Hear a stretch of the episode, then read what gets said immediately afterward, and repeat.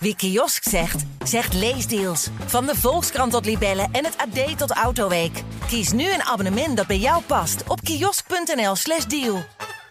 Hallo, mijn naam is Gijs Groenteman. Ik zit wederom niet in een archiefkast op de redactie van de Volkskrant. Ik zit thuis onder de hoofdslaper van mijn dochter om een interview aan te kondigen dat ik net heb opgenomen met iemand die eigenlijk geen introductie behoeft. Hij schreef uh, pas een, uh, ja, laten we zeggen, vrolijk dystopische roman uh, over, nou niet de tijd waar we in leven, maar wellicht binnenkort in leven, Nederland. het is een heel interessant boek, misschien wel een soort pamflet. Het is op een wonderlijke manier geschreven en vormgegeven, maar heel intrigerend. Maar verder is hij gewoon alomtegenwoordig. Zijn, een van zijn boeken, De Wandelaar, zal binnenkort op grote schaal gedistribueerd worden in, in verband met Nederland leest. En verder laat hij zijn licht ook schijnen over hoe Nederland en de wereld eraan toe zijn, regelmatig her en der. Luister naar mijn interview met de enige echte Adriaan van Dis. Goedemorgen Adriaan. Goedemorgen. Je zit, ik ben hier nog maar net, je hebt al een paar keer op je telefoon gekeken. Uh, voor, een, voor een flashmob uit Parijs die viral gaat. En een bericht wat je net binnenkrijgt. Is, is die telefoon een belangrijk uh, uh, hulpmiddel voor je? Dat is mijn paspoort tot de wereld. Wie zou ik zijn tot, zonder telefoon? Maar Voelt dat zo? Nee hoor. Uh, als ik schrijf, dan gaat hij naar de andere kamer. Ja, omdat hij soms zelfs een kussen op. Omdat hij aantrekkingskracht op je heeft. Wel degelijk. En ik ben ook maar een gewoon mens dat wil weten wat er in de wereld gebeurt. En ik lees elke morgen nog steeds wel een papieren krant. Ja. Sinds 1969 lees ik een ja, nu is het de New York Times, maar vroeger was het de Herald Tribune. Ik wil wel altijd mijn wereld groter maken. Maar laten we eerlijk zijn, dat doet je iPhone ook. Ja, ja. Nou, wat dat betreft, want je hebt jezelf net toen we even zaten te praten ook als een soort kluizenaar getypeerd. Nee, je zei van eigenlijk leef ik mijn hele leven al in een lockdown, in een zelfverkozen lockdown. Ja, maar dat heb je nodig om te schrijven. Je bent deel van de wereld, maar tegelijkertijd moet je ook het masker van de wereld trekken en net doen of die wereld er niet is, om een nieuwe wereld te maken op papier. Ja, dus je zit eigenlijk altijd in een soort, soort spagaat. Dat je aan de ene kant moet je moet je, je afzonderen om uh, de wereld te kunnen beschrijven. En, en tegelijkertijd moet je natuurlijk ook de wereld zien om, om hem te kunnen beschrijven. Zo is het. Maar. En dan heb je ook nog de bezinking nodig. Dus dat je de, de, de, de hitte, de dampen van de dagelijkse wanen moeten er een beetje af zijn. Het moet neerslaan en dan ga je begrijpen in welke tijd je leeft. En als je de hele tijd maar wat leest, wat ik doe, en, en, uh, en ook internationaal dingen leest. Dus ik ben ook geabonneerd op, op uh, OK Africa, om maar eens wat te noemen. Of ik lees zelfs nu en dan uh, extreemrechtse Breitbart berichtjes, omdat ik toch wil weten, wat doet de vijand, wat doet de vriend? Uh, en hoe denkt men elders over ons? En met ons bedoel ik eigenlijk Europa. Ja, maar dan is zo'n mobiele telefoon of een smartphone is dan eigenlijk ook wel weer een soort, soort het uitkomst natuurlijk. Het is fantastisch. Ja, laat, laat, nou, er zullen veel mensen van jouw leeftijd zijn die zeggen ik moet er niks van hebben. En wat een ja, maar dat, is dan, dat zijn ook mensen die dan geen niks moeten hebben van elektrisch licht.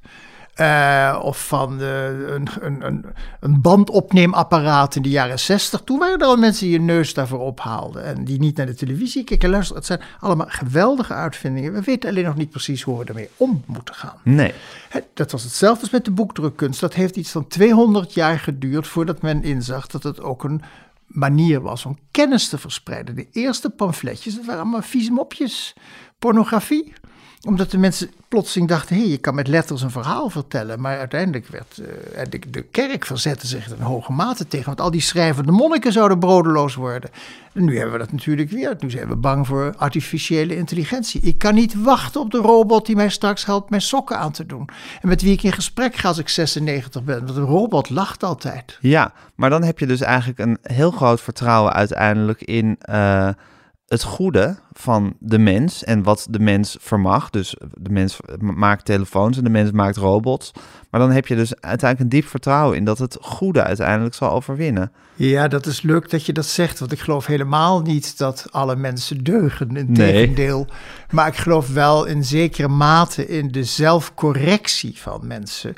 Dat dat in pendules gaat. Dus dat het slaat uit naar een extreem. En dan komt er uiteindelijk weer een correctie. Ja. Dus daar geloof ik wel in zekere zin in een stap voorwaarts. Ja. ja. En vooral van de techniek. Uh, veel dingen zijn, hebben, worden ons makkelijker gemaakt. Maar we hebben ook een monster gebaard. En dat monster heet sociale media.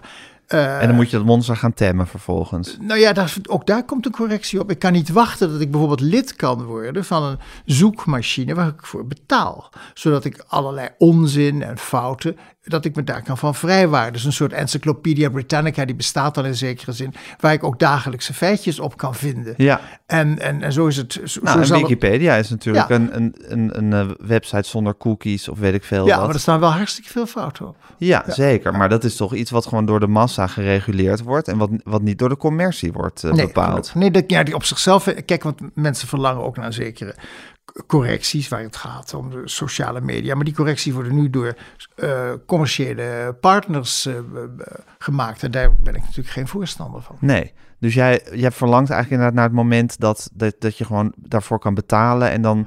Ja, maar dat is weer een heel elitair standpunt. Want ik kan dat dan betalen of ik wil dat betalen. Maar we hebben wel een generatie, misschien wel twee, eh langzamerhand gecreëerd. Die, die denkt dat alles voor niks is.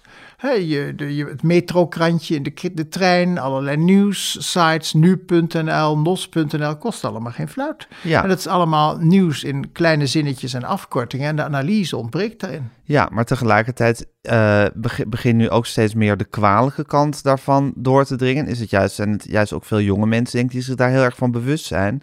En tegen eh, de grote molochen als Google en Facebook zijn. En zich daartegen te weer willen stellen. En misschien ook bereid zijn om dan een paar euro per maand uiteindelijk te betalen. Ik, je bewijst wat ik net zei. Ja. De pendule. Ja. Het corrigeert zich voor een deel zelf. Ja, ja dus in die zin eh, moet je je altijd te weer blijven stellen. En daar eh, verdacht op zijn op wat er, wat er zoal gebeurt. Maar er ook op vertrouwen dat er gecorrigeerd zal worden. Ja, maar dan vooral als we investeren in onderwijs, onderwijs, onderwijs, onderwijs, kennis.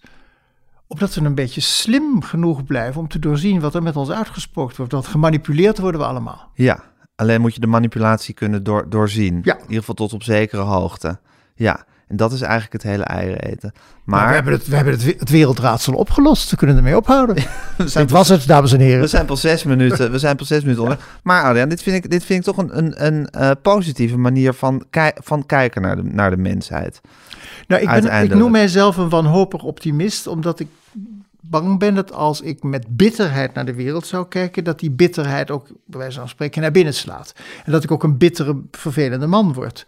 Dus ik probeer vooral niet bang te zijn voor de toekomst en ik probeer mijn toekomst te begrijpen. Maar dat klinkt allemaal vreselijk goedmenscherig, maar je kunt ook zeggen dat doe ik, misschien omdat er een kern in mij is die wel degelijk bang is. Maar ik wil niet bang zijn. Nou ja, als je dat zo zegt van ik doe mijn best om niet bitter te zijn en ik doe mijn best om niet bang te zijn, dan daar, daarmee impliceer je eigenlijk al dat die bitterheid en die angst eh, in principe reflexen zijn die in je zitten, waar je, waar je tegen te weer moet stellen. Natuurlijk, ik, kijk, als je mij zou betrappen als ik luister naar de radio, dan, oh, dan sta ik ook te schreeuwen. En als ik zie dat de mensen in Urk of in een andere kerk in de Bijbelbelt zeggen, ja, in de Bijbel staat dat God wil dat wij zondag naar de kerk zijn, zeg ik, godverdomme, dat staat helemaal niet in de Bijbel, klootzak. Want enige drift is jou ook niet vreemd. Precies, maar dat Ja. roep ik alleen maar thuis. Eh, en, eh, en dan komt er daarna een tegenstem. En dan denk ik, ja, gun die mensen hun waanzin. Als ze daar gelukkig in zijn. Als ze er maar geen anderen geen kwaad mee doen. En dan komt de redelijkheid. Dus ik heb een driftige man. Ik heb een redelijke man. Ik heb een verzoenende man. En die zijn allemaal met elkaar in gesprek. Die zijn met elkaar in gesprek en je, je, je doet je best om de mannen die jou het meest lief zijn in jezelf, om die de boventoon te laten voelen. Nou, ja, het klinkt een beetje flauw. Die driftkop is me ook wel lief. Maar die hou ik gewoon een beetje binnenskamers. Ik hoorde je op televisie zeggen, en dat stukje ging ook viral, Hm? eh, van dat je, dat, je, dat, je, dat je ons een verwend volkje vindt. Dat zei je bij op ja, dat vind ik ook wel. Was dat toen toch ook een beetje je driftige man Nou, die ik aan, het, aan het woord ik was? Ik moest heel erg op mijn tong bijten om geen misselijke grapjes te maken.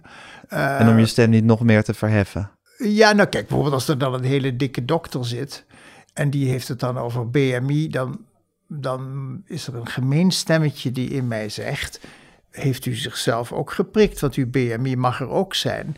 Maar dan komt er ook een ander stemmetje. Zegt, God, misschien heeft die meneer een, een genetisch defect en is hij tegen zijn wil dik. Want ik behoor ook tot de mensen die als ik naar een kroket kijk, dan wordt hij al dikker.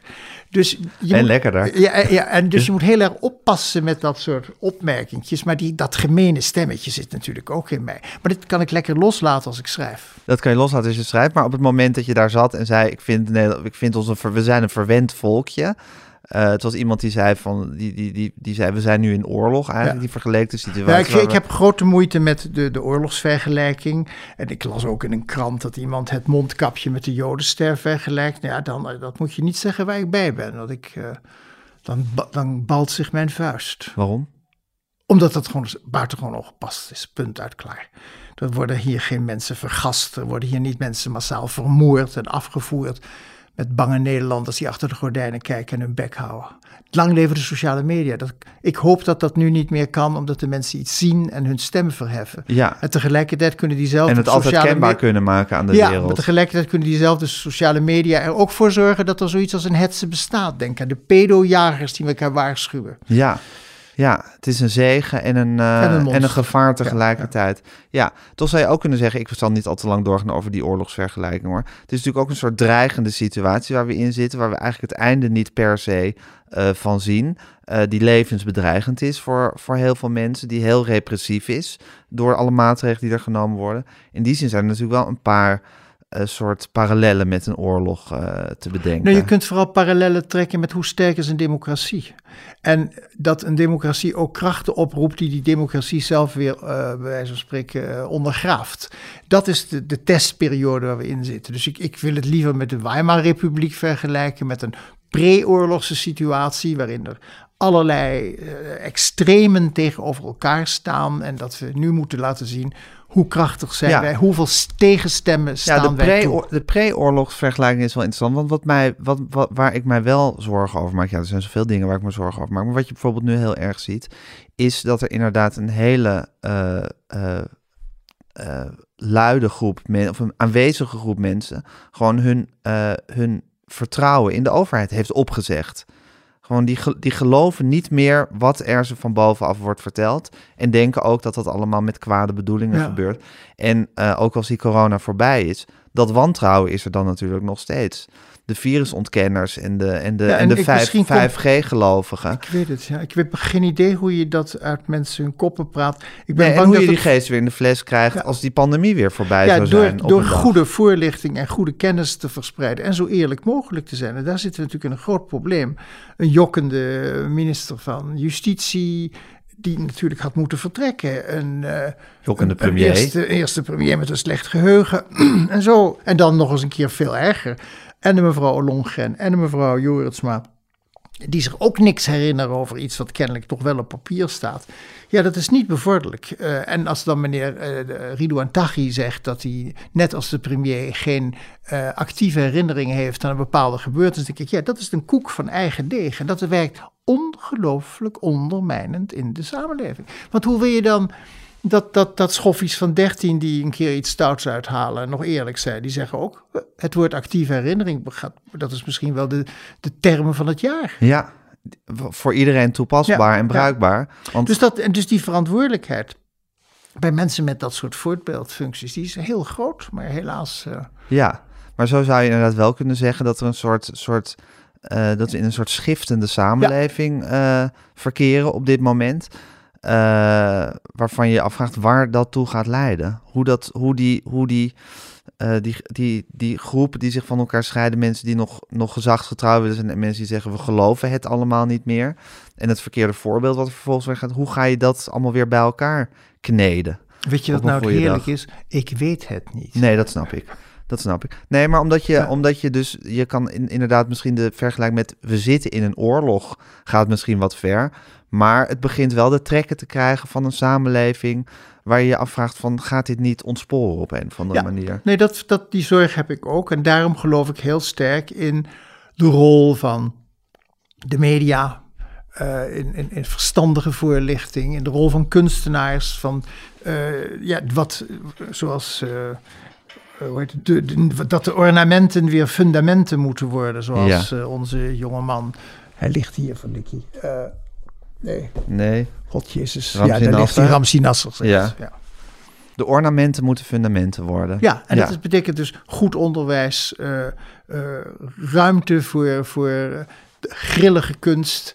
En vooral laten zien dat dat heel belangrijk is om onze levens in te richten. Het kan niet alleen maar zakelijkheid zijn. Het moet juist het overbodige is van groot belang in onze samenleving. Ja, hey, en als je zegt het is eigenlijk een conjunctuur of een, uh, een pendule uh, van extre extremisme en die weer gecorrigeerd moet worden wanneer je weer naar een soort matig midden ja. gaat en weer heen en weer. Uh, is het dan niet een soort kracht waar eigenlijk niet tegen te, te werken valt bijna? Of moet je daar toch tegen nee, blijven dat, verzetten? Het is een voortdurend verzet, anders, anders slaat die pendule niet terug. Dus het moet, ik, ik vind het echt heel belangrijk dat de intellectuelen, en dat bedoel ik in een hele brede zin. Dus mensen zoals jij, die voor de radio werken. Mensen zoals ik, die zo nu en dan uh, met een boek naar buiten komen. Goede journalisten, s morgens, ochtend op de radio. Jurgen van den Berg. Dat noem ik allemaal maar even intellectueel. Ja. Dat zij bewust zijn van hun positie. En dat zij op een juiste, uh, voor zover het je lukt, eerlijke manier bericht geven. En alle kanten laten zien. En dat zijn de, de krachten die zorgen dat de waanzin niet wint. Ja, ja, en daar moet je je voortdurend van dus bewust zijn dat je dat Dus je met niet elke dag Willem Engel op de radio, maar je moet ook Willem Engel niet boycotten. Uh, maar spreek die mensen tegen, confronteer ze met hun eigen onzin. Ja, laat alles horen. En doe dat zo, zo eerlijk mogelijk. Ja, ja. Dat, daar geloof ik dan maar in. Dus dat, ja, en dat zoals uh, Henriette Roland Holst zei, dat de zachte krachten overwinnen. Ja, en dat je nu dit boek hebt geschreven, Adriaan Cliffy. Ja, uh, dat gaat daarover. Dat gaat daarover. Ja. Het gaat over schrijven. Het gaat over een stem. Wat bedoel je met het gaat over schrijven? Het gaat over de Als je schrijft, kan je keuzes maken. Maar ik had het net over die driftige stem. Ik kan die driftige stem laten horen. En dan komt er meteen een tegenstem die zegt: Is dit gepast? Zou je dat wel zeggen? Sla je jezelf hiermee je lezer niet zo plat dat hij, dat, dat hij in een schuilhoekje gaat zitten? Mm -hmm. Hoe haal ik die lezer toch bij mijn verhaal? Wat ik dan maar even de binnenstem noem. Mm -hmm. En die heb ik hier de naam gegeven van een ah, lieflijk roofdier. Die aait als een poes en die op je schoot zit Puma. en soms een nagels zet, Puma. Uh, maar uiteindelijk gaat het erom, wat kan ik allemaal nog zeggen in deze tijd en hoezeer zwijg ik? Dan zeggen de mensen ook, ja inderdaad, je mag een heleboel dingen niet meer zeggen. Je mag niet eens meer het en-woord gebruiken. Nee, op zichzelf is dat trouwens heel goed dat je bij jezelf ziet, hé, hey, maak ik gebruik van een koloniale woordenschat? Kennelijk. Ik zei tien jaar geleden ook uh, Amerika is ontdekt door Columbus. Maar nu zou ik misschien zeggen, Columbus heeft Amerika op de kaart laten zetten. Want het bestond al. Dat klinkt allemaal heel politiek correct. Maar de mensen die in, in, landen wonen of in continenten wonen. die gekoloniseerd zijn. hebben een andere kijk op de koloniale tijd dan wij. Nou, al die. die dat, dat weten die, die nieuwe kennis waarmee worden geconfronteerd. Hoe kijken de Indonesiërs naar Nederland en naar de vrijheidsoorlog? Hoe kijken wij? Wat wonderlijk dat wij een Zwitser nodig hadden, Remy Limpach, en een Belg nodig hebben, Um, um, David van revolutie Rijbroek. David van Rijbroek om ons te vertellen wat daar eigenlijk precies plaats heeft gevonden. Omdat zij stemmen hebben laten horen waar we voorheen niet van wilden weten. Dat, dat zijn allemaal tegenstemmen die en dat zit allemaal in je kop als je een verhaal begint te schrijven. Waarnaar luister ik? Wie laat ik aan het woord? En, we leven nu in een tijd waarin we veel gezeggelijker zijn dan we misschien zelf dan we hadden willen zijn. Dus daarom heb ik het klimaat gebruikt, omdat het klimaat ons straks beperkingen gaat opleggen. Uh, die misschien niet altijd even democratisch zijn en die ons heel erg uh, ja, gaan, gaan, gaan in, in, in hokjes zetten. Beklemmen. En beklemmen. En, uh, maar, en de, mijn hoofdfiguur wil iets schrijven over een klimaatramp die ontkend wordt. En hij wordt dan geconfronteerd met vluchtelingen die bij hem in zijn wat hoger gelegen woning, uh, die heb je daar in de achterhoek, heb je nog wonderlijke IJsselduinen, waar je echt een 10 meter, 20 meter boven de, boven de spiegel van de rivieren zit. Uh, en hij wordt er geconfronteerd met mensen die allemaal uit de maat lopen. Merkwaardige mensen die, die niet onderdeel van het systeem wilden zijn of konden zijn. En hij wordt uh, getroffen door die levens en die schrijft hij op. En dan wordt hij geconfronteerd met zijn eigen tegenstem, met zijn eigen censuur. En, en dat word ik als schrijver ook. En ik denk dat je dat als radiomaker ook wordt. Dat je denkt, ja, dat vind ik wel een interessant onderwerp, maar ik weet niet of dat... Hè. Ik zat vroeger in de anti-apartheidsbeweging. En dan wilden we wel eens een keer een nuance ergens aanbrengen. Nee, nee, nee, want daar zaaien, uh, daar oogsten de racisten alleen maar van. dus dus je, je hield, weerhield bijvoorbeeld allerlei informatie die ongepast was. Bijvoorbeeld dat het ANC ook gevangenkampen had in Namibië. Dat was niet iets voor, voor de buitenwereld, want je, het was duidelijker om één vijand te hebben. Nou, dat, dat, dat gebrek aan nuance, die voorzichtigheid, die zelfcensuur, daar worstelen we allemaal mee. Ja, is dat eh, hoe, hoe kijk je daarop terug als je het nou letterlijk over die anti-apartheidsbeweging hebt? Um, waren jullie terecht in de leer of waren jullie... Uh... Nou, de, velen waren zeer in de leer. En het was ook een destijds, door de, vooral door de CPN, sterk uh, ja, geïnfiltreerd, zou je zeggen. Maar laten we zeggen, geïnspireerde beweging. Ik was niet van de CPN, maar ik, was, ik had ook niks tegen de CPN. Want ik zei, ja, over 30 jaar dragen we allemaal dezelfde kleren. Uh, wat ook het is uitgekomen, kijk maar, spijkerbroek. Uh, dus ik, ik was een beetje een soort uh, speels element. Ik ben ook, geloof ik, de enige die geeft met die hele strenge club mee naar de jongelingen dansvereniging, de Odeon-kring, DOC. Ja. Dat was een soort nichtendansing heeft meegesleept. En, dat, en toen bleken ze toch allemaal heel leuk met elkaar te kunnen dansen. Dus je, toen dat soort vormen van ondermijning was ik altijd wel, wel, wel, wel goed in. Maar voor mij was het een rechtvaardige strijd, omdat Zuid-Afrika het enige land was dat racisme in de grondwet had vastgelegd. Overal is racisme. Overal zoeken mensen uh, troost bij hun gelijken. zijn ze bang voor het vreemde. Uh, en, en, dan gaan ze kleine geestelijke hokjes maken. De jij bubbel, wel, jij de bubbel niet. is een heel menselijke Maar daar stond het in de wet. Daar stond het in de wet. Ja, als je het over institutioneel racisme ik, hebt. Ja, precies. En ik was opgegroeid in een omgeving van kleur. Oftewel een repatriantenhuis waar alles door elkaar liep. En ik was het witte jongetje en ik hoorde er niet bij. Maar ik wilde ongelooflijk graag bij die kleur horen. Maar jij weet er niks van. Jij was er nog niet. Dus ik herkende in dat in dat, in dat uitsluiten en erbij horen met een vader die werkeloos was, maar een Indo, en maar tegelijkertijd de best geklede Indo uit het dorp, omdat hij leefde van mijn moeders centen. De schaamte die je voor een vader voelt, je vader die een rare man is met de klemtoon op de motor. Uh, dat, al die, die ingewikkelde gevoelens, die vond ik terug in die samenleving in Zuid-Afrika.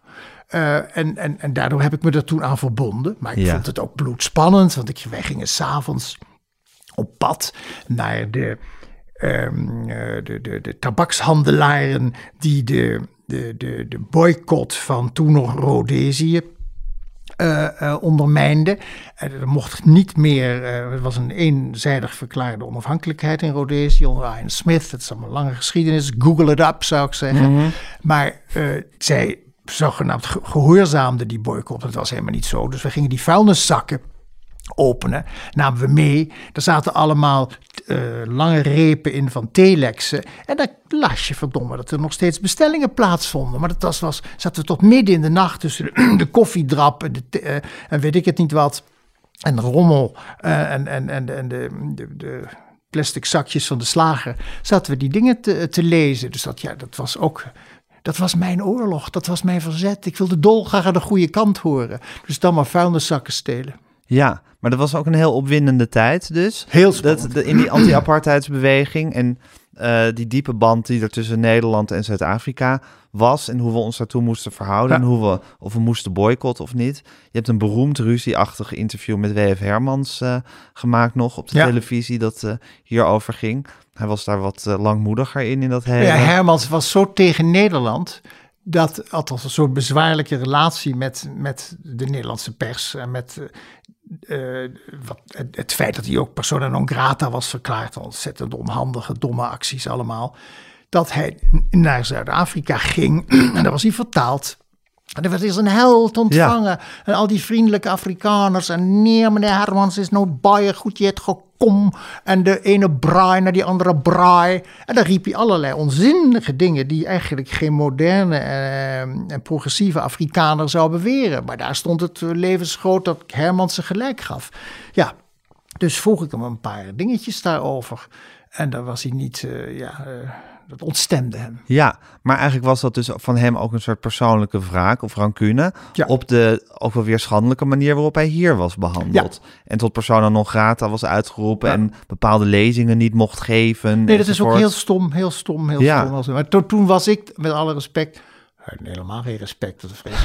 Toen was Zonder ik al, respect. Ja, zonder was ik al lang weg. Wat zat ik al in Zeker, de, in de maar- journalistiek had ik de anti-apartheid Ja, maar dat is dus wel interessant dat je dus eigenlijk zo'n soort eh, groot eh, conflict aan het bevechten bent met elkaar. En dat het dus eigenlijk onder allerlei persoonlijke motieven gebeurt. Ja. Dus jij had je persoonlijke geschiedenis die je met je, me- met, met je meetorste. En die je op een of andere manier projecteerde op Zuid-Afrika, Ja. waar jouw vuur voor die hele Ja. zaak terecht kwam. Hij had eh, de, de moeizame relatie die hij op allerlei manieren hier in Nederland heeft gehad met de gezagsdragers. Ja.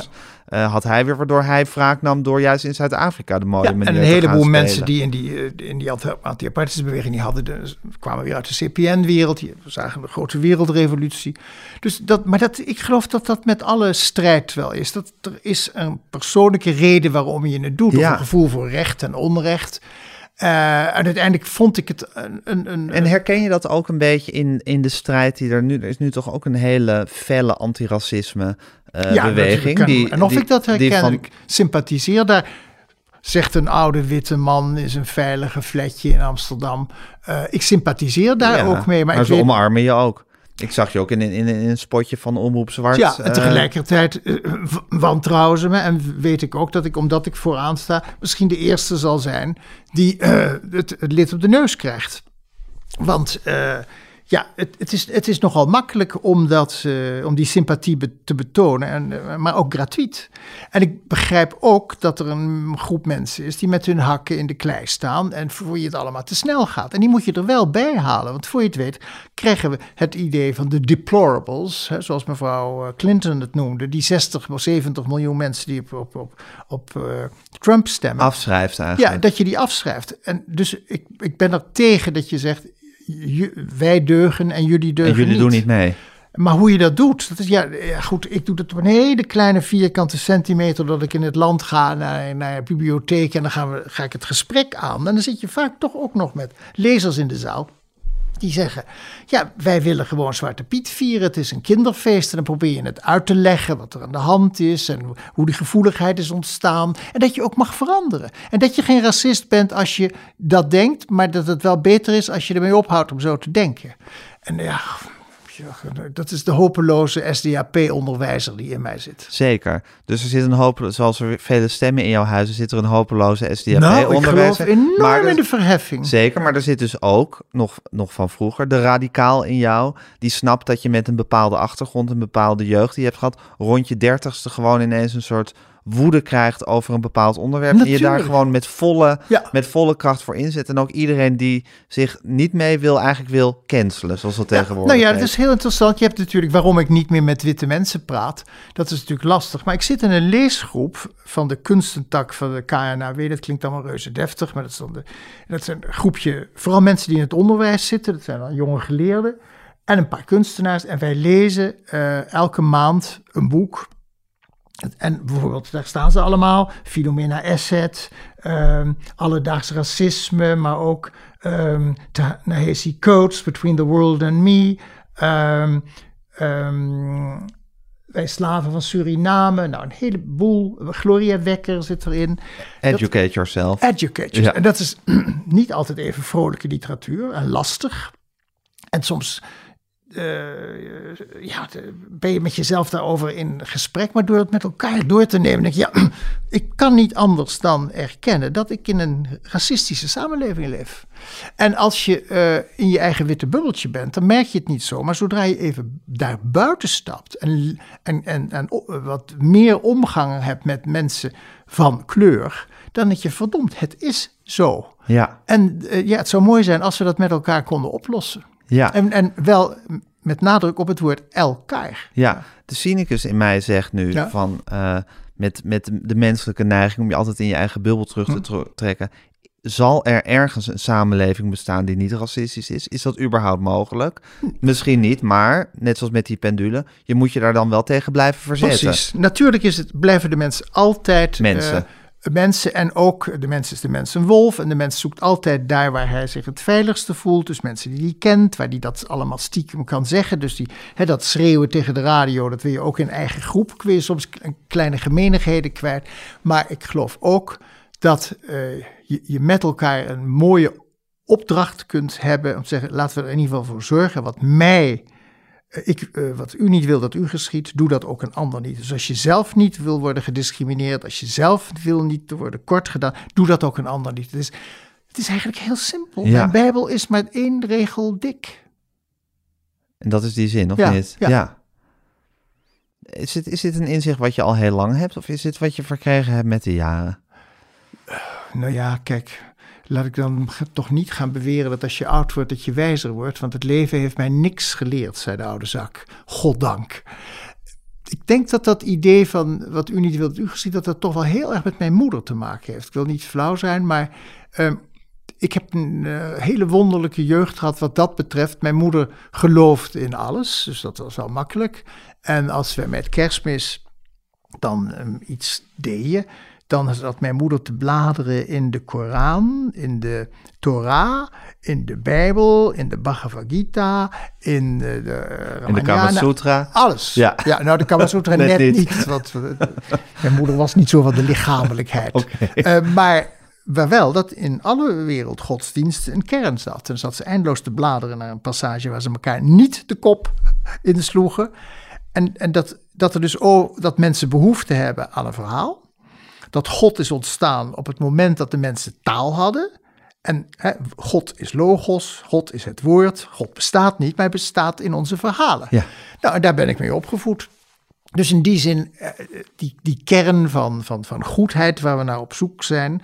Ja, wij hadden dus een scherm. Het, eh, God Christus, dat, dat komt nu allemaal bij me boven. Met een, eh, een witte kant en een blauwe kant. In de blauwe kant zat een witte ster. En in de witte kant zat een blauwe ster. Vertel ik het goed? Eh, in ieder geval, je had een hoger zelf. En, maar in, het, het, er zat zowel een slechte kant in je goede kant. als een goede kant in je slechte kant. En dat had ik in mijn slaapkamer een soort, soort schild. Eigenlijk hetzelfde als al die stemmen die in je, Ja, in dat je was, en je moest altijd op zoek gaan naar je hoger zelf. Ja, Gijs? En ook luisteraars, ga op zoek naar uw hoger zelf. En dat is dat kleine pitje van goedheid wat in u zit. En voed dat. Ja. Jezus Christus, wat een zeikert. En toch geloof ik erin. ja, maar dat, dat is toch uiteindelijk ook gewoon... bedoel, het geworstel wat het leven is, is, het- is dat toch gewoon Is het ook? Ja, uiteindelijk? maar, ik heb wel eens bedoel, niemand wil toch geen goed mens zijn? Nou ja, dat hoop je. Ik, je hebt wel eens de indruk dat er echt heel veel boze, brommerige mensen rondlopen. Vind je niet? Jazeker, maar Ja. hun, hun, bo- hun boze brommerigheid overstemt misschien op dat Ja. moment hun, hun pitje van goedheid. La, laten we het hopen. Ja. Laten we het hopen. Maar ik maak elke dag een wandeling. Eh, want ik heb een, eh, een been dat niet goed wil. En, eh, en dan kom ik veel brommerige mensen tegen. Waar, waar ik ook wel eens op een bankje ga zitten bij de Roeterstraat. Ja. Mensen die ook daar, ja, wat, hoe zullen we het zeggen? Mensen met een heupflesje alcohol troost. Mhm. En dat moest soms wel diep graven naar het goede pitje hoor. Ja, Ja. maar het leven is toch ook niet makkelijk? Het, het- wat heet. Dat vind ik een van de ergste dingen. Dat je als je 16 bent, dat die bijsluiter niet is meegegeven. Ja, Eh, waarin al die ellendige dingen staan. En kennelijk dat je er ook niet ontvankelijk voor nee, bent. nee, maar dat is misschien maar goed ook aan. Ja, dat- ja, Stel je voor dat je op je zestiende daar wel ontvankelijk voor Ja, was en, en, en, en, en de, de treurnis in de ogen moest kijken. Wat moet je dan nog? Ja, precies. En dat je op je 16 al het woord pensioen foutloos kan spellen. Ja, Ja. het is toch juist heel goed dat je op je twintigste of je zestiende nog de arrogantie hebt dat je denkt dat je God's gift to mankind bent, dat je de wereld gaat veranderen, dat de wereld aan je voeten ligt, dat alles kan en dat je zelf ook nog kneedbaar en maakbaar bent, terwijl het eigenlijk al gewoon in beton gegoten is hoe je bent. Ja, dat is toevallig Nee, je hebt, je, hebt, je hebt volkomen gelijk. Je hebt Ja. volkomen gelijk. Maar ik moet wel zeggen dat ik, nu ik dus ouder word, plotseling tot de ontdekking ben gekomen dat ouderdom topsport is. Dat, eh, dat, dat besef is wat laat eh, tot mij doorgedrongen. Nou ja, het is wat wonderlijk dat je inderdaad op een gegeven moment misschien het inzicht krijgt hoe het leven zo'n beetje in elkaar zit. Zodat het, het, het, het- de, de worsteling is die het eenmaal is. En dat is op zich een, een verlichtend eh, inzicht, denk ik. Dat is niet per se onprettig om dat door te krijgen. En dat dat dan, dat dat dan gepaard gaat met fysieke aftakeling. Dus dat je dat inzicht niet meer kan vieren met een jeugdig en eh, super energiek lijf. Nee, maar je moet me wel zien dansen tussen de, het kookeiland en het aanrecht. Doe je dat? Ja, Ja? ja. Dat ga ik nou niet doen. Gelukkig ook is dit niet, ook niet in beeld. Nee. Nee, maar ik, dat, eh, dat is een goede oefening voor mij. En dan, vind ik het, eh, dan heb ik mijn eigen flashmob. Dus Ja. ik als een gek te dansen. Op muziek of Ja, niet? op muziek. Op Welke muziek draai je dan? Ik heb van alles, maar ik, ik heb hier eh, ik heb Spotify. Maar Ja. ik kan heel mooi dansen op Tante Leen. ben gek op Tante Leen. Als Ja. Tante Leen Française was geweest, was ze wereldberoemd. Zeker. Maar ook op allerlei andere vrolijke muziek. Ja. En, eh, Miles Davis. En waarin zit jouw liefde voor Tante Leen? Waar, waarin zit toch, ik bedoel, het is toch een beetje een ondergeschoven kindje bij Johnny Jordaan. Ja, weet ik. Maar ik hou... ja, dit klinkt ook weer camp van kijk hem nou eens een keertje. Maar ik... ehm, diep in mijn hart... eh, ik weet niet, ik vind het een, ik vind het hartstikke goede teksten. En ik vind eh, dat nasale leuk. En ik, het is een soort de geheimelijke koestering. En ik heb geloof ik ook een beetje een slechte smaak. Want ik zat op school en toen had, stuurde de Franse leraar ons naar de Parapluie de Cherbourg. En eh, dat is dus een helemaal gezongen film. Waarin zelfs het pellen van een ei op muziek staat. Eh, en dat heeft mij tot min of meer francofiel gemaakt. En dat is muziek waar ik, die ik heel veel draai, waar ik grote troost in vind.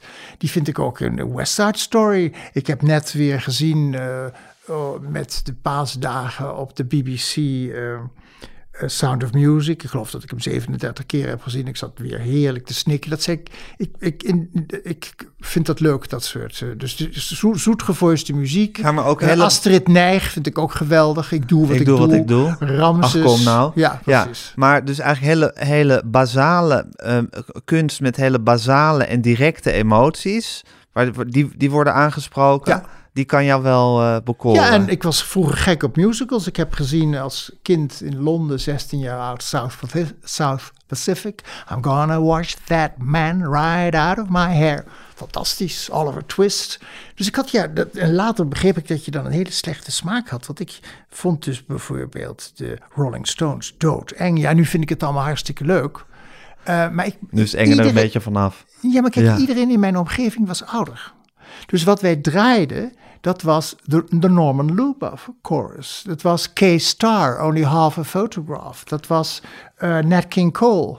Eh, dus ik, had een, ik was een ouderlijk jongetje, al was Ja. ik wel heel druk en speels. Want iedereen was wel zes, zeven, acht jaar ouder. Maar er werd heel veel gedanst bij ons in huis. Mijn vader had een ge- een plaat, eh, grammofoon. En dan dansten wij en dan legden wij wel vaak een in dit geval een theelepeltje op, het, op, de, op de armen van de platenspeler, omdat de vloer zo bewoog en dan ging de, danste, naald. Na, danste de naald. Ja, dus die Eh, moesten jullie verzwaren. ja, en dan Ja. danste ik mee. Dus, dat, dus ik ben opgegroeid met, met, met eh, begrijpelijke muziek, eh, met woorden die je kan onthouden en kan nazingen en met mooie, eenvoudige melodieën. Ja, en dat is wat jou nog altijd, eh, nou, altijd dat zit in je gekrast en daar heb je natuurlijk... Is dat nou, Adriaan, het feit dat je dus... eh, je bent nu een man eh, op leeftijd. Je ziet er nog, nog stralend uit en, en je, je woont hier fantastisch. Dus niks te klagen.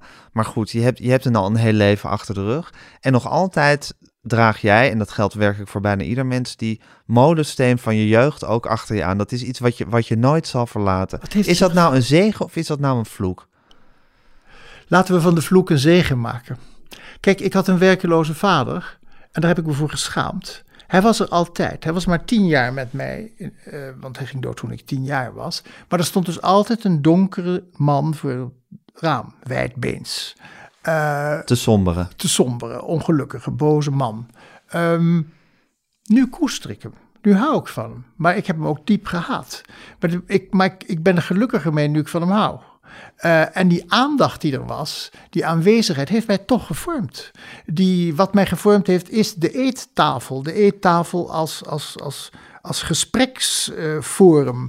Eh, mijn, mijn vaardigheid met taal moet aan die eettafel zijn ontstaan. Dus laten we het maar zegen noemen. Ja, is dat ook iets wat met de jaren komt dat je van die vloek een zegen kan maken? Dat de dingen waar je misschien tot je dertigste of veertigste nog woedend over maakt of verdrietig over bent, dat je op een gegeven moment je er ook bij neerlegt dat dat nou eenmaal is wat je gevormd heeft en dat je daar misschien ook een soort van dankbaar voor moet zijn? Nou, Of- dat, ja, ik, ik heb het gewoon aan analyse te danken.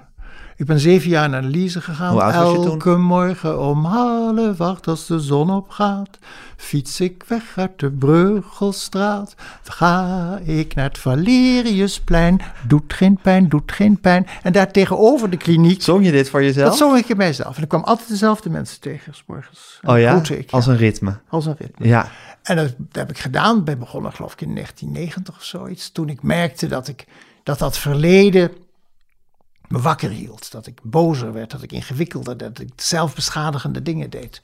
En toen ben ik op aanraden van vrienden naar naartoe gegaan. Toen kwam ik bij wat was zelfbeschadigende dingen? Ja, ja, laten we maar zeggen dat ik achter mijn pik aanliep. Mag ik het daarbij laten? Is dat zelfbeschadigend? Kan zelfbeschadigend zijn, ja. Eh, het is altijd handig als je weet met, nou ja, goed, met wie je het doet. En in ieder geval, ik, Maar je, je, je, je libido werd een soort van onbeheersbaar. onbeheersbaar. Ik, ja, en ik was, ik, was, ik was ongelukkig. Ik was gewoon heel Ja. ongelukkig. En, ik, en ik, ook met schrijven zat ik dwars en dit en dat. Dus ik ging naar die man. En eh, ja, dan ga je op, de, op een divan liggen. En dan vertel je een verhaal. En dan eerst heb je natuurlijk erg met jezelf te doen. Maar als je na een maand nog met jezelf te doen hebt, dan zit je in een groef. En eh, ik moet juist uit de groef. En dan ga je nuances v- brengen in je verhaal. Het hoeft niet per se een waar verhaal te zijn. Maar een, een, een klein voorbeeld, ik heb het meer verteld. Mijn vader sloot zich heel vaak op in het donker. Dan lag hij te tellen. Dan was het schoenen uit, kousen, voeten, stil. Want papi heeft weer last. En waarvan? Hij was zenuwachtig omdat hij geen baan had. Hij lag de doden te tellen. Mijn vader was een schuldige overlever. Ook alweer termen die we helemaal niet kenden. Slachtofferschap, oorlog. Wij spraken daar niet over. Het bestond allemaal niet in die tijd. Eh, maar toen heb ik mijzelf in het verhaal, want ik weet dat natuurlijk niet goed meer, mijn bergschoenen, zoals ik ze noemde, mijn Noorse trekkers aangetrokken en ben ik stampend door het huis gegaan. Ik was plotseling niet meer een slachtoffer, ik was ook een kleine dader. En dat heeft me enorm bevrijd. En dat heb je in die analyse heb je dat ja, gevormd, ook door dat kleine verhaal. opmerkingen dat mijn psychiater, die niet veel zegt, die zit achter je en die, die luistert goed en die corrigeert soms en die heeft soms een vraagje. Maar die zei, ja, u moet natuurlijk niet vergeten, als u ergens binnenkomt, dan bent u wel aanwezig. Terwijl ik altijd dacht, ja, wie ben ik? En ik ga maar Dat je een onschuldige muurbloem ja, bent. terwijl ik gewoon een man van 1,91 meter met een grote waffel ben. Dus nou, toen heb ik die jongetje mis- niet misschien een waffel gegeven, maar wel schoenen gegeven waarmee hij ging stampen. En het was een bevrijdende gedachte. Dus soms heb je een verzinsel nodig, of misschien zelfs een Ja, zoals je moeder zei, de mens heeft verhalen nodig. Ja, precies. Ja. En dat, en, en dat heb ik geleerd in die analyse, dat ik mezelf anders ben gaan zien. En dat ik keer op keer eh, eh, het verhaal opnieuw ging vertellen om voor mezelf een draaglijk verhaal te maken. En dat doe je dus ook als je eh, ouder bent en je kijkt terug op je jeugd. Dat je zegt, het heeft heel weinig zin om hier nu met, met, met, met de vuisten van haat achter een tafel te zitten. Laat ik het nu maar accepteren. Die mensen wisten ook niet beter. Die probeerden er ook het beste van te maken. Die waren er niet om uit om mij te vernietigen. Laat ik hen achteraf ook dan niet nog alsnog vernietigen. En heb je toen Indische Duinen geschreven? Ja, dat Ja. is een vrucht van mijn analyse. Dat is een vrucht van je analyse geweest. Kan je dat boek nog, als je, daar lees je nog vast wel eens uit voor. Nee. Oh ja, nou, Ik neem aan dat je niet met plezier hier bij het haardvuur gaat zitten lezen. Nee, maar, natuurlijk niet. Maar eh, bedoel, hebt, je hebt het nog wel eens onder ogen. Jawel, kijk, ik krijg er wel eens vragen over. Ik lees eh, heel weinig voor uit mijn boeken, maar eh, ik lees wel alles voor trouwens als luisterboek en dan verander ik nog een heleboel. Maar eh, kijk, ik kan wel zeggen, mijn eerste boek met was. Nathan? Zit. En Ja. tien jaar, dat was een vrolijk, zoetgevoerd boekje. Waarom is het zo dun? Omdat ik wist dat ik niet de waarheid vertelde. Een jongetje dat twijfelt tussen rijstekorrel en aardappel. Tien jaar later was ik boos en danste ik op het graf van mijn vader. Weer tien jaar later schreef ik familieziek. En toen keek ik naar mijn familie als migranten. En, dat, en elke keer werd het ingegeven door de tijd. Want toen ik dat boze Indische duinen schreef, was het ook de tijd van een tweede generatie die terugkeek naar de oorlog van de ouders. En die een soort opstandigheid. Ischa Meijer, brief van mijn moeder, eh, Marion Bloem, gewoon Indisch meisje. Ik, al die Ja. stemmen kwamen op en die keken anders naar de oorlog van hun ouders. En die- dat familieziek, wat misschien wel eh, veel mooier is eh, en aandoenlijker is als geschiedenis van een familie. Dat is ontstaan in de tijd dat wij werden geconfronteerd met stromen vluchtelingen uit, de, uit Joegoslavië. En dan zag je in het journaal een kind dat zich dan greep aan de jurk van een moeder. En dan heel lang in de camera keek. En toen dacht ik, dat kind gaat later het verhaal van die ouders vertellen. En zo krijgen we nu over 20, 30 jaar de eerste verhalen van de kinderen of nazaten van de bootvluchtelingen. Ja. Dat zijn de nieuwe Zoals we nu ook de verhalen van de migranten van de... Laila Gül. Ja, Precies, en, Ja. dat, en, dat, en dat wordt nog wat hoor. En dan zullen we opkijken en zeggen we, dat heb ik nooit geweten. Nee, omdat je je niet opgelet hebt, sukkel. Nou ja, omdat je niet opgelet hebt. Omdat er natuurlijk ook verhalen zijn die zich in de, eh, binnen de, de muren van dat. a- afspelen. Ik bedoel, het, is ook, het is ook natuurlijk moeilijk om er precies de vinger achter te krijgen wat er gebeurt achter de muur. Ja, je kan, je kan er wel naar raden. Nee, kijk, maar dit- wat mij opvalt is dat er altijd wel al stemmen waren die dingen zagen en dat, we, dat de tijd niet wilde luisteren naar die stem. Nee. Ik heb me laatst voor iets moeten verdiepen in, in, in Paul Kruger. eh, en eh, en de, de, de, waar dus de hele halve wereld stond achter de boeren bij de boerenoorlog. Dat was het eer een volkje dat zich verzette tegen de grootste imperialistische macht. Ja. En trokken dus weg van de kapen de- en, en, de, en de, de, de Britse kolonie. En die namen daar land in bezit, bij wat wij vroeger Transvaal noemden. En, eh, en ze pikten al het land in van de zwarte bewoners. Er werden enorm gevochten en menig eh, zwarte Zulu of, of, of, of Xhosa in de pan gehakt. Ehm, er waren ook tegenstemmen. Er was bijvoorbeeld een dominee Huet, die schreef in Nederland pamfletten over de gronddiefstal 89% van de vruchtbare grond in handen van een klompje witte boeren. Maar niemand luisterde naar. Zeker. Maar het is natuurlijk niet voor niks dat het juist de verhalen zijn van de kinderen die in die Ja. gezinnen zijn opgegroeid, die dan volwassen worden en hun eh, pijn of hun verhaal Hm. of hun, hun, nou wat jij ook hebt gedaan, hun leven delen, dat dan ineens het volle besef doordringt tot wat er eigenlijk, omdat het dan geen tweedehands verhaal is en geen, geen analyse van buitenaf, maar gewoon de keiharde waarheid of de, het ver- tot verhaal gemaakte eh, gebeuren, eh, waar je dan ineens mee geconfronteerd wordt. En dat is, ook dat is blijkbaar een zich, zich eeuwig herhalende pendule van eh leed wat er plaatsvindt en een soort verlossing die er komt door de kinderen die dat van zich af Ja. schrijven en dat verhaal vertellen. En dat is ook een heel, heel goed. En, en, en in die zin ben ik ook erg voor herdenken. Maar dan telkens door de volgende generatie. Hoe kijken zij naar wat er gebeurd is? Ja. Dat ze dat, en dat, dat merk je nu ook met, met kinderen van migranten. Maar dat merk je ook eh, eh, in de Joodse gemeenschap. Ik vind eigenlijk dat je moet zeggen onder de Joden in Nederland.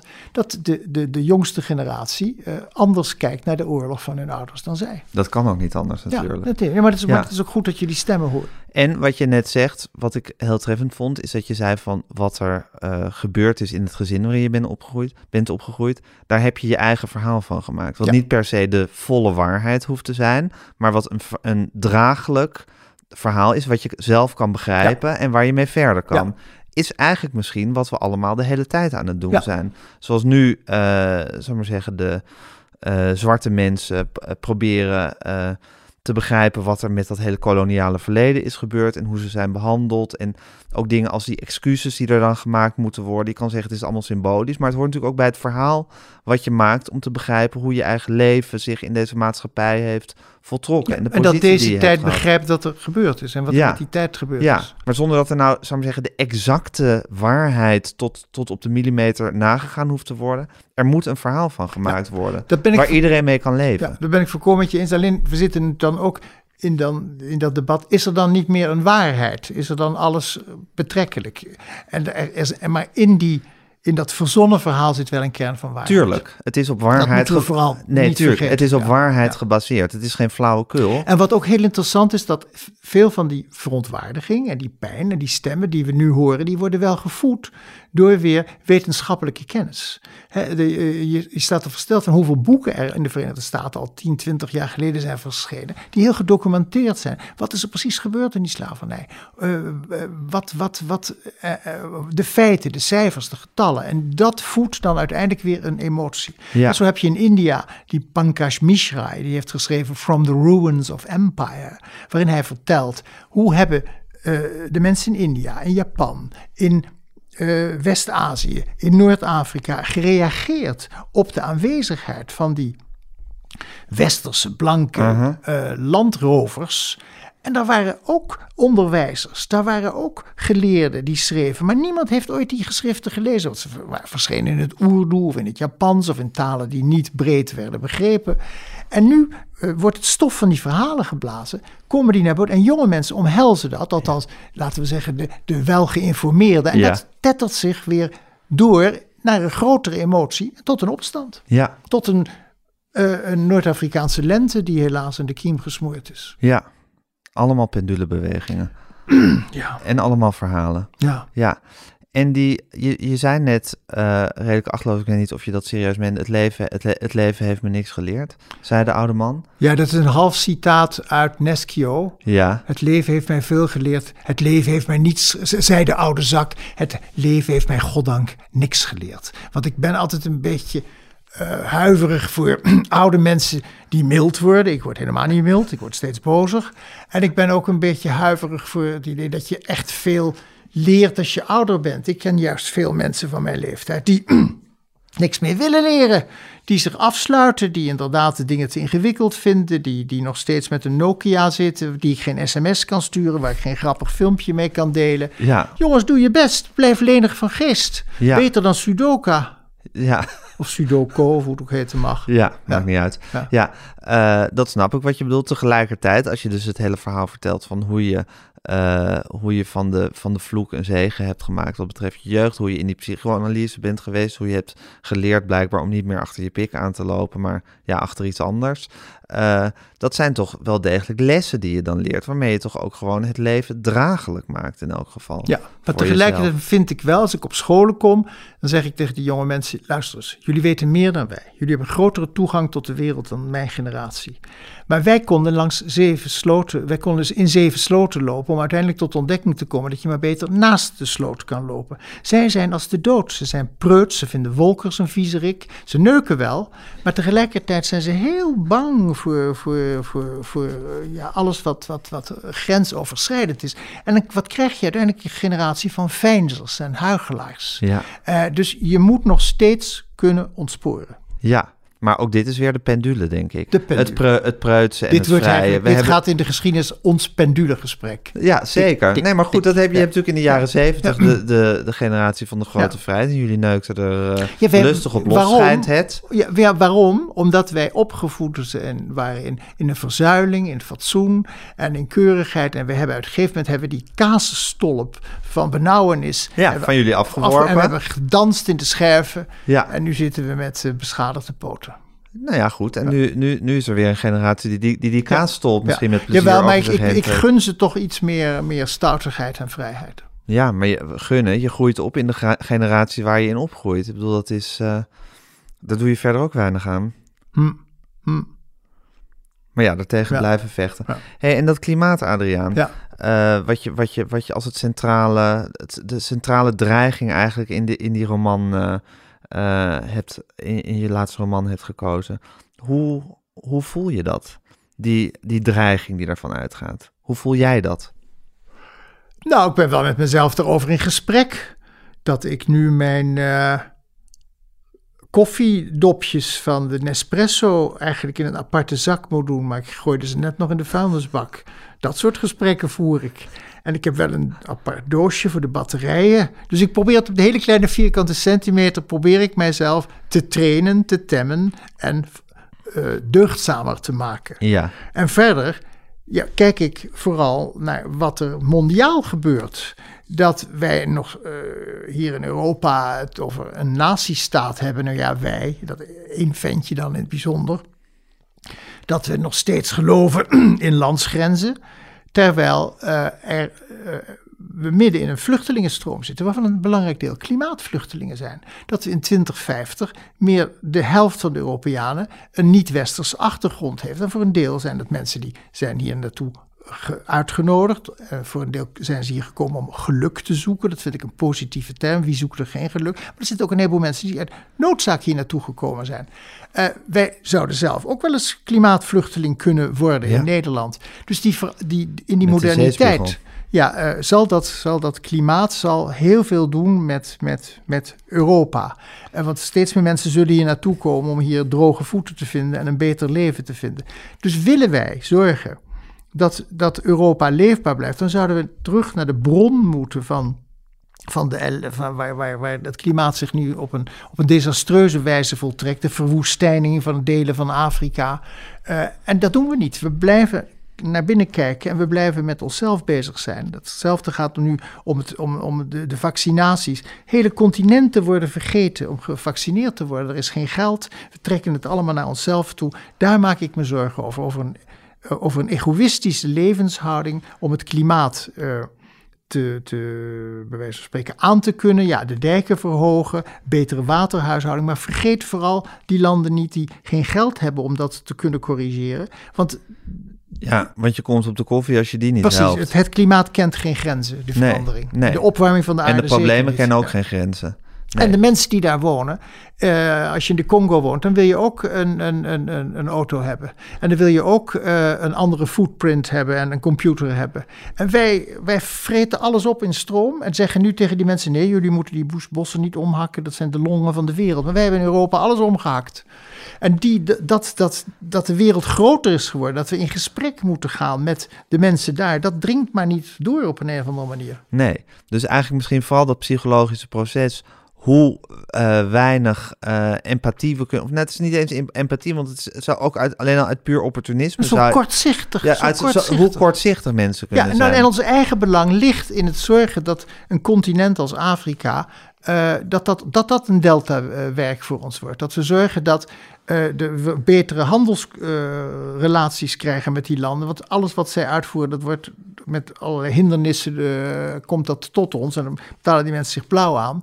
Zorg dat daar werk is. Zorg dat daar eh, het klimaat op een betere manier beheerd gaat worden. Dat daar zonnepanelen in de Sahara komen te liggen, die, waarvan de stroom niet naar Europa vloeit, maar voor een belangrijk deel naar Afrika vloeit. Ja, en je snapt het niet.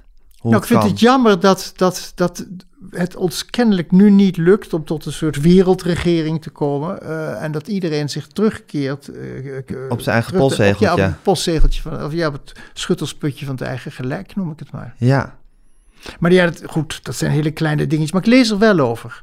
En ik, hier, allerlei boekjes weer. Die, de, de nieuwe koloniale leestijd, leeslijst ligt hier nou toevallig. Maar ik heb ook net van Mounir Samuel gelezen. En, eh, die met 25 bladzijden ons een nieuwe vocabulaire geeft hoe we omgaan met die veranderingen in onze tijd. Dat is dan op het, ja, op het schrijvende vlak. Maar bewustzijn van wat er elders in de wereld gebeurt, vind ik erg belangrijk. Ja. Dit mis ik ongelooflijk in de Nederlandse politiek. En vooral in de Tweede Kamer. Want ja, er is iets gebeurd in de krant en er worden Kamervragen gesteld. En iedereen heeft het weer over ja, de wanen van de dag. Maar de grote veranderingen waar we voor staan, die worden niet behandeld en vergeten. En, en dat, daar zadelen we onze volgende generatie mee op. ja. En ver- verbaast de, de populistische wind die er waait je? Ja, natuurlijk verbaast me dat. Ja? Maar ook hier weer, ik mag het niet terzijde schuiven. Ik mag niet ervan wegkijken. Ik wil dat gesprek op een vreemde manier aangaan. Maar dat, daar besta ik geloof ik zo'n beetje alleen in. En hoe wil je dat gesprek aangaan? Ja, dat doe ik dan zelf op mijn leesavondjes. Maar ik, eh, ik lees er in ieder geval over, laat ik het maar zo zeggen. Kijk, ik heb zelfs een keertje, maar goed, ik ken die, heb die Thierry Baudet ooit ontmoet in Parijs. Ik vond het wel een grappig ventje, een koorbal. En ik geloofde niet dat hij meende wat hij zei. Mijn vriendin vond het meteen een creep van de bovenste plank. Toen ben ik zelfs een keertje naar zijn klasje gegaan, waar ze boeken la- lazen. En eh, heb ik daar ook nog een keer een soort collegetje gegeven. Ik vind in principe dat je met die mensen in gesprek moet blijven. Het wordt langzamerhand wel heel erg moeilijk met die enge ringen, die enge rikken die ze om zich heen verzameld hebben. Maar ik geloof nog steeds dat eh, als, ik, als ik mensen wegduw, dan groeit er iets wat ik niet meer kan overzien. Ik wil het, ik wil het weten. Maar dat is een pri- privé hobby van mij. Nou ja, je kan het een hobby noemen, ook- je kan het ook een opvatting noemen. Ja, en ik heb, ik, heb- nee, nee, ik vind het vreselijk. En ik, ik weet op god niet hoe het Nee, maar een oplossen. opvatting dat je vindt dat je, dat je in gesprek moet blijven Ja. en dat je ze dichtbij je wil hebben eigenlijk. Ik wil ze helemaal niet bij me. Nee. Ik ben echt zo, ik ben een adept van Job Cohen. Ik ben echt een theedrinker. Jongens, verdomme. Want anders radicaliseren ze nog meer. Maar ik weet dat het een. Hier kom ik gewoon niet uit. Hier ben ik met mijzelf over in gesprek. Ja, is dat misschien ook af en toe eh, een les dat er dingen zijn waar je niet uit kan komen? Nee, je zou kunnen zeggen, maar dat wil ik niet. Het heeft vast met ouderdom. Dat heeft met ouderdom te maken. Ik zou kunnen zeggen, het zal tijd, mijn tijd wel duren, maar dat wil ik niet zeggen. Ik blijf een, soort curieuze actievoerder. Mij, mij dan eh, hier in een huis met een spierwit kleed. En waar de mensen hun schoenen moeten uitdoen, anders ben ik bang dat er vlekken opkomen. Dat is mijn leven. Een man bang voor vlekken, maar hij wil ondertussen wel de wereld verbeteren. Je het, zelf, vind je het een beetje potsierlijk van Natuurlijk jezelf? vind mezelf dat je, voortdurend dat je zo'n wereldverbeteraar wil zijn de hele tijd? Ja, maar dat ben ik dan maar in stilte. Ik, ik ben goed, natuurlijk ben ik zo nu en dan Hoe verklaar je dat? Hoe verklaar je dat van jezelf, dat wereldverbeteren? Je had het dus vroeger met die ANC, of met die, met die anti-apartheidbeweging. Dat was eigenlijk een echo van je eigen jeugd die je daar, eh, die je daar vond. Ik denk dat het genetisch bepaald is. Mijn moeder trouwde op haar twintigste met een zeer donkere man. Met een Molukse achtergrond. En daarmee brak ze weg van een bijbelzwarte omgeving. Dat was een eigenwijze, strijdbare vrouw. Eh, met allerlei merkwaardigheid en onaangenaamheid. En dat, dat is toch ook een voorbeeld voor mij geweest. Dus ik denk dat dat... eh, ik ben een beetje zo opgevoed. En dat hoger zelf, hè. En het, het, het, het goede in het kwaad en het kwaad in het goede. Ja. Dat, zit, dat zijn, Maar dat zijn allemaal dingen die jouw moeder bij jou geïmplanteerd Ja, heeft. Ja, zeg maar gewoon. Ik ben natuurlijk ook een slachtoffer van mijn. eh, ik ben geïndoctrineerd. Maar de- over het algemeen niet met al te kwalijke opvattingen, vind ik. Denk je nog elke dag aan je moeder? Nou, ik heb de laatste keer. Ik heb drie keer van haar gedroomd. Dat was nou niet echt helemaal de bedoeling. Maar. eh, Dat is Ik- meestal met dromen, dat het niet de bedoeling is. nee, nou, ik heb vannacht van Harry Mulisch gedroomd. Dat was dat meen heel je niet. Ja, Vertel. Ja nou, ik, we- moesten enorm lachen. Terwijl, nee, zo heb ik nooit zo met hem gelachen. Ja, ik zat met hem in een eetclubje. Maar dat kwam omdat ik een flits van hem had gezien op de televisie. Omdat hij ook Nederland leest heeft ge- mogen doen. Ja, wat jij, ik- wat jij nu ja, ook... toen, zag, eh, en toen zag ik Harry Mulisch plotseling in, in Zuid-Frankrijk. En, en dan, ja, dan zo'n flits, die wordt dan groter in je in de nacht. En ik droom elke nacht heel erg intensief. Ik leid eigenlijk twee levens. Ik word 's morgens wel eens bek af wakker van mijn eigen dromen. En weet je ze altijd nog? Redelijk wel, ja, maar alleen maar wat grove dingen. Is dat ook iets wat door die analyse komt? Of heb je dat altijd gehad? Dat is een goede vraag. Ik denk dat het in je analyse word je er wel heel bewust van. En ik sprak wel over mijn dromen, maar dromen hebben geen betekenis. Alleen de betekenis die je eraan geeft als je wakker wordt. Dus als je bijvoorbeeld droomt dat je de hele nacht slangen uit buizen hebt eh, staan tikken. En je wordt wakker met de gedachte: oh god, misschien ben ik wel homoseksueel. Dat is een interessante associatie. Maar niet dat je slangen uit buizen tikt. Nee, precies. Ook hier geldt het weer, het verhaal wat je ervan maakt, doet Ja, ertoe. Precies. Ja, precies. het is niet de gebeurtenis Ja. zelf, maar het is het verhaal. Ja. maar geniet je ook van je dromen, van het feit dat je ze hebt en dat je ze zo intensief beleeft? Ik Ja. vergeet bijna al mijn dromen. Nee, en ik, ik, erger nog, ik stuur ze ook, want ik wil soms eh, niet al te vervelende dromen hebben. Dus ik heb daar wel iets op gevonden. Dat ik s'avonds voor het slapen lees ik een stripboek. Eh, want dan, dan kan ik strip afmaken in mijn dromen. En dat, zijn altijd, dat komt altijd goed. Kuifje, die eh, redt het altijd. En, eh, Oh, dus daarom zei je van, dat ik van mijn moeder droom was niet de bedoeling. Nee. Omdat je ook wel degelijk sturend... ja, ja, je kan je dromen sturen. Je kan stuurt. s'avonds iets lezen wat je, wat je af kan maken. Iets, iets, iets spannends. En Neem, neem, neem een, een thriller of Simenon, whatever. En dan lees je de vier, vijf bladzijden en dan word, dan je zelf de, de, de, inspecteur, de thriller of weet ik het wat, of de hard weglopende boef. En dan, dan, dan breng je je nachtdromen naar een veiliger terrein. Zodat je niet hoeft bezig te zijn met, oh, de tweede AstraZeneca-prik, die krijg ik misschien niet. Oh god, ik... En al die andere onzin. Toch ook hele, hele relevante problemen. Ja, maar ik sprak iemand die er al drie nachten van wakker ligt. Daar heb ik er geen tijd voor. Nee. Ja, jij leeft toch al in, in, in, in een levenslange lockdown. en ik dus- sta met anderhalve been in het graf. En je staat met anderhalf been in het graf. En wat voor strips lees je, Kuifje?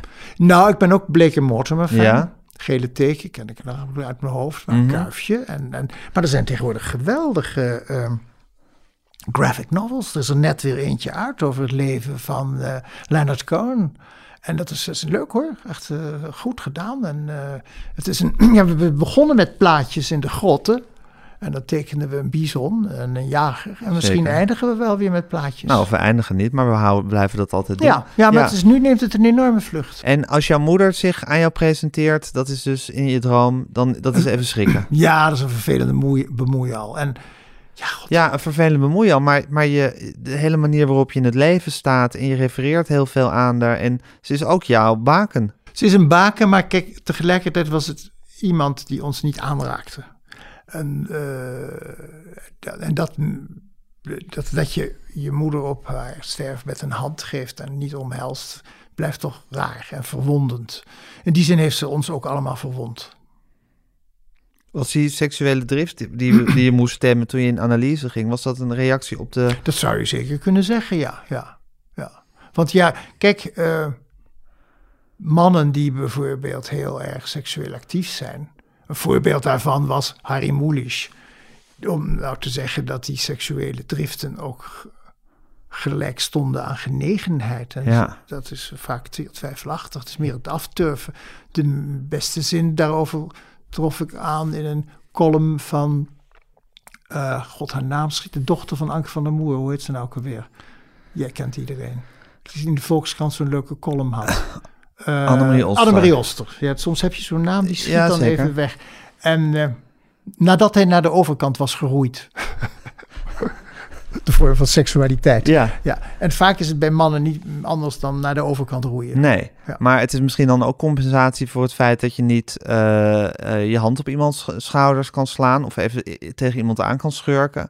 Dat je dan maar in een soort wezenloos geneuk eh Ja, dat, losbarst. die, ja, ja nee, dat, is, dat is zeker zo. En dat, maar dat, dat heb ik wel erg gemist. Die, die, die ja, tederheid dat je bij je moeder op je schoot hebt gezeten. Maar ik vind het een beetje raar als een man van 74 begint te jammeren dat hij nooit bij zijn moeder op zijn schoot heeft gezeten. Nee, maar je kan toch terugkijken op je leven en, en, Ja, en eh, Nee, dat was een- concluderen dat dat, was je je gemis. eigen jeugd toch altijd als een molensteen achter je Ja, aansleept. en het rare is, het heeft mij misschien niet zo verwond, of ik heb die verwonding niet toegestaan, maar na de dood van mijn moeder ging mijn eh, jongste zusje, die nou ook eh, overleden is, die was, die was, die eigenlijk, die was heel erg eh, geraakt en verwond en, en kapot over het feit dat, dat die moeder nooit lief voor haar geweest was. En toen zij doodging, vielen alle getuigen weg. En toen heb ik ook echt een echte depressie gehad. Ja, nou ja, depressie. Somber. Ik vind allemaal die Diepe woorden. somberte. Diepe somberte. Toen ben ik weer naar mijn oude analyticus gegaan. Dan ben ik, heb ik me weer onder behandeling gesteld. Weer elke dag. Of niet? Nee, nee, nee, nee. Oké. Man, jongen, dat is een kostbare zaak vandaag de dag. Maar eh, ik, eh, nee, maar ik ben er wel veel geweest. En ik eh, heb daar ook het boek in het buitengebied, komt daaruit voort. Want ik wilde eigenlijk, ja, ik wou dood. En, maar dat is nu weer redelijk onder controle. Zeker omdat ik nu dood kan, want ik heb de laatste pil in huis. En sinds ik de laatste pil in huis heb, wil ik helemaal niet meer dood. Dat is perfect, hè? Ja. Ja. Nu het kan, hoeft het niet meer. Ja, maar je praat er wel blijmoedig over. over ja, maar dat heb ik altijd gedaan. Ik, maar ik ben heel, dat is iets vreemds. Ik ben natuurlijk heel erg opgegroeid met de dood. Er stond een portret van de onthoofde man van mijn moeder, wel met hoofd, op de radio. Ehm, en dat was ook al een soort, ja, toch iets waar je met eerbied over sprak. En van mijn vaders familie waren er mensen dood. Nou ja, ik hoef het mensen met een Joodse achtergrond niet te vertellen. Die hebben al vaak drie kwart van de familie eh, was de dood aanwezig. En dat was bij ons thuis op een andere manier ook. Dus dat de omzichtigheid om over de dood te praten, daar ben ik niet mee opgevoed. Nee, maar dan nog kan, denk dat het puur persoonlijk is. Of je, of je zelf een, eh, een hartgrondige angst voelt voor het grote niets waar we allemaal op een dag in vallen. Of dat je het misschien ook wel, een, dat, daar heb ik zelf nogal last van, nogal een, eh, een kalmerende gedachte vindt. Dat het ook weer ophoudt gewoon op ik een dag. het, ja, nou, daar heb ik dan ook moet er toch niet vind- aan denken dat, je, dat, dat dit nog duizenden jaren zich Ja, voortsleept, dat geloof ik ook helemaal niets van. Kijk, dat is een verhaal. Kijk, laten we, de enige troost is, als je dan zo, zo, eh, zo grootheidswaanzin hebt, te denken dat je eeuwig blijft leven, is dat er niets van ons verloren gaat. Ik, als atoom kom ik terug op het puntje van de tong van een hond, als heel klein lichtgevend wormpje in, in zee. Eh, d- Everything is everything. En, en van dit blijft. Ze, komen, ze raken niet van je af. precies. Nog Iedereen even, te- blijft. Nog even tenslotte, Adriaan. Je had het over je vader die doden stond, eh, stond te tellen. Ja. Ehm, we hebben nu eh, een uur gepraat en je moeder is veel voorbij gekomen. En je vader en Harry Mulisch en Jan Wolkers. Doe je het zelf ook een beetje, doden tellen? En je zusje natuurlijk. Ik vat me, ik ben natuurlijk een hartstochtelijk uh, overlijdensadvertentielezer. en vaak uh, denk ik, ik probeer vredig in het leven te staan. Maar ik ben ook wel soms heel blij dat er een paar doodgaan. Dus dat is die akelige kant in mij. Maar er gaan nu wel heel veel mensen dood van mijn leeftijd, zelfs jonger. Dus ik heb wel de indruk dat ik nu wel een beetje aan de beurt ben. Ja, maar wat ik ook bedoel is, ik heb je net mijn boek over Isra ja, gegeven. Ja. Uh, jij hebt hem goed gekend, ik heb hem een beetje gekend, ja. maar we hebben hem allebei meegemaakt. Isra zal je nooit aan iemand kunnen uitleggen. die hem niet heeft meegemaakt. Hetzelfde geldt eigenlijk voor Harry Mulisch. Ik bedoel, je kan zijn boeken lezen, maar de aanwezigheid van Harry Mulisch in de wereld valt niet uit te leggen aan iemand die nu eh, twintig is. Nee. Zal ik maar zeggen. Jan Wolkers, je zei net van ja, mensen vinden zijn boeken nu schunnig. Als je Jan Wolkers hebt meegemaakt, dan begrijp je op een of andere manier wie Jan Wolkers Ja. was en wat die boeken. Het is ook raar dat, ik maar zeggen, de getuigen van je eigen leven en de, de mensen ook die het kleur en smaak en eh, pit hebben gegeven, dat het allemaal persoonlijkheden zijn die, die ons omringden en die er niet meer zijn. Dat die er niet meer zijn en dat, die ook, dat dat ook eigenlijk iets is wat niet uit te leggen is aan. Nee, en dat is maar goed ook. Want de nieuwe generatie gaat zijn eigen persoonlijkheden creëren. Zeker. Zijn eigen herinneringen Zeker. En dat moet die nieuwe generatie Ik ben doen. altijd En- dolblij dat de bibliotheek van Alexandrië is afgebrand. Stel dat we dat ook allemaal hadden moeten lezen. Dus gun die mensen een, wat dat betreft, onbezwaarde toekomst. En niet nog eens een keer al die oudjes. Zeker. Ik, gun het, die- ik, ik vind ook helemaal niet dat die mensen moeten begrijpen wie Harry Mulisch Maar is. als ik maar zeg- het feit is dat, dat, het, dat, het je, dat het je als, als oud iemand, en jij bent weer een jaartje of dertig ouder dan Ja. ik, eh, toch ook eenzamer maakt. In de zin van dat, dat, dat de mensen die jouw leven smaak hebben gegeven, er niet meer zijn. Het maakt mij niet eenzamer, vreemd genoeg. Omdat ik me. Het klinkt een beetje flauw. Ik bestel me blauw aan boeken, meer dan ik op het ogenblik lezen kan. Maar ik probeer de hele tijd toch eh, bij deze tijd te horen. Maar ongetwijfeld uit angst voor je eenzaamheid. Ongetwijfeld uit angst om straks onbegrepen in mijn tijd te staan.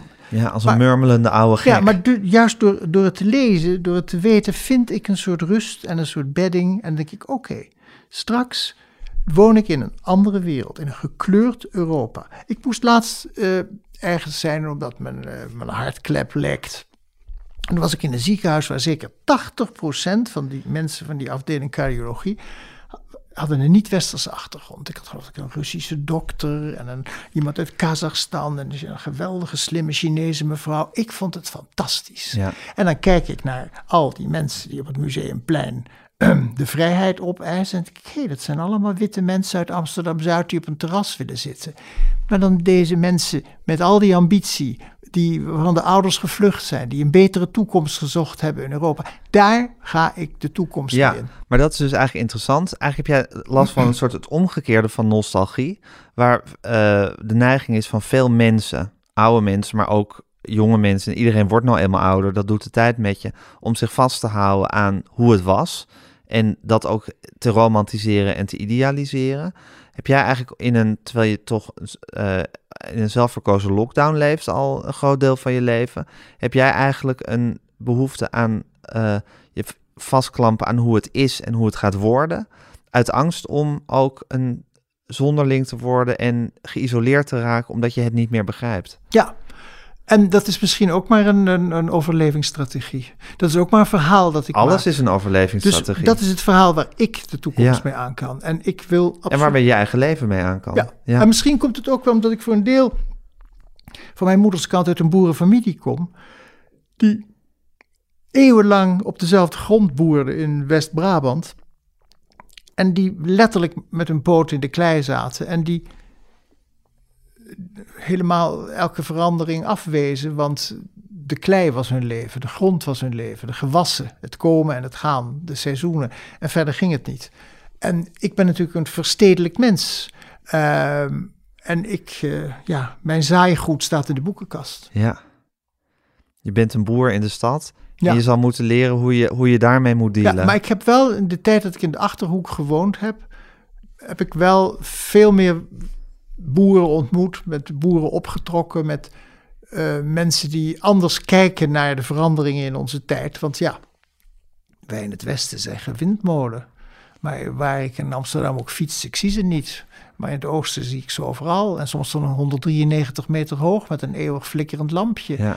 Wij in het Westen zeggen asielzoekerscentra. Ik woon hier om de hoek bij een asielzoekerscentrum. We merken er geen donder van. Een enkele keer in de Albert Heijn wijs je iemand even de weg. Ja. En dan ben je dolblij dat je dat mag doen. Oh, kijk eens. Je goede daad hebt gedaan van de vandaag. dag. Ja. Maar daar in een klein dorpje waar plotseling 3000 mensen in een verlaten kazerne komen, is het lastiger. Ja. Mensen kennen het niet, vinden het vreemd. Eh, de- eh, als ik hier arme mensen wil zien, dan moet ik in een andere tram. Waar uiteindelijk eh, voorbij de sniep de, de, de, de, de trambevolking verkleurt. Ik zit hier ook in een witte bubbel. Daar deed ik boodschappen bij de C1000 en dan kneep ik in een biologisch knolletje. En voor mij kocht iemand, eh, gooide het karretje vol met kilo knappen- knallers. Daar raakte ik eens mee. gespe- U praat uit een andere portemonnee. Gelijk heeft ze. En het praten met een andere portemonnee, dat is heel belangrijk. Dus ook daarin zoek ik weer, jongens, Ja. laten we elkaar vasthouden. Ja. Ik heb laatste woorden gehoord, Adriaan. Dank je wel. Dankjewel. Ik heb allerlei malle dingen gezegd en het komt door Gijs Groenteman, dames en heren. Hij is er wel goed. Dit was Met Groenteman in het Nieuwe Normaal met Adriaan van Dis. Mijn naam is Gijs Groenteman. Ik maakte deze podcast samen met Daan Hofstee. U kunt zich abonneren op alle mogelijke manieren op deze podcast. U kunt ons een mailtje sturen, podcasts.volkskrant.nl. Volg ons op Instagram, @metgroenteman. En geef ons, als het kan, lekker veel sterretjes.